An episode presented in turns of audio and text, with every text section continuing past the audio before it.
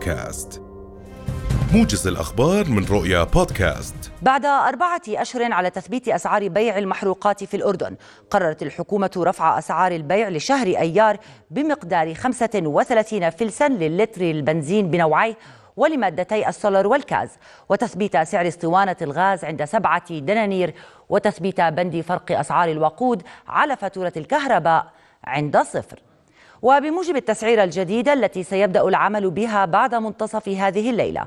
تم رفع سعر بيع البنزين أوكتان 90 إلى 885 فلسا للتر الواحد وسعر البنزين أوكتان 95 إلى 1120 فلسا للتر الواحد.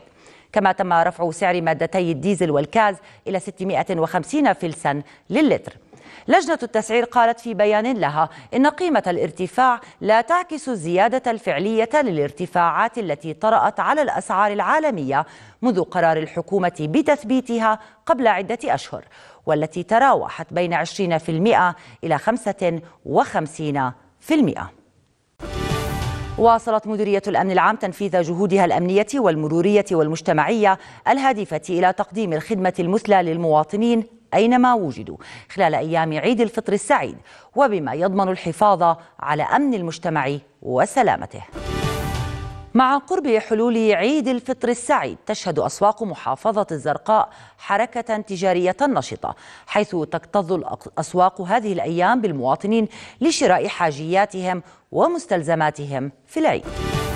بدأت حركة العمل في محلات الصرافة بالعودة إلى طبيعتها تدريجيا إلى ما كانت عليه قبل جائحة كورونا بحسب العاملين في القطاع. ممثل القطاع المصرفي والمالي في غرفة تجارة الأردن فراس سلطان قال إن حجم الطلب على الدينار الأردني ارتفع بشكل ملحوظ مع زيادة حوالات المغتربين خلال شهر رمضان المبارك وقبيل عيد الفطر إضافة إلى مساهمة السياحة الوافدة بارتفاع حجم الطلب على الدينار.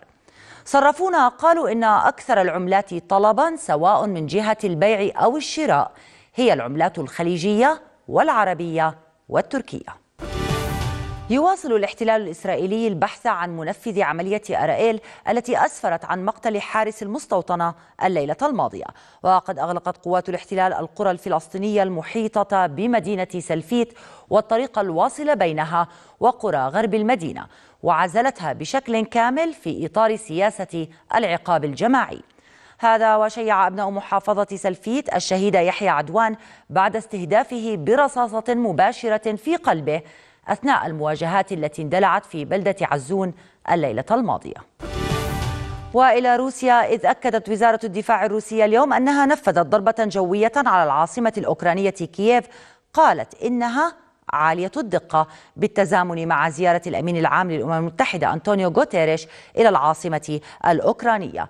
الوزارة قالت خلال إحاطتها اليومية حول الصراع في أوكرانيا إن أسلحة جوية بعيدة المدى وعالية الدقة لقوات الجو الروسية دمرت مباني تعود إلى شركة آرتيوم للصواريخ والفضاء في كييف.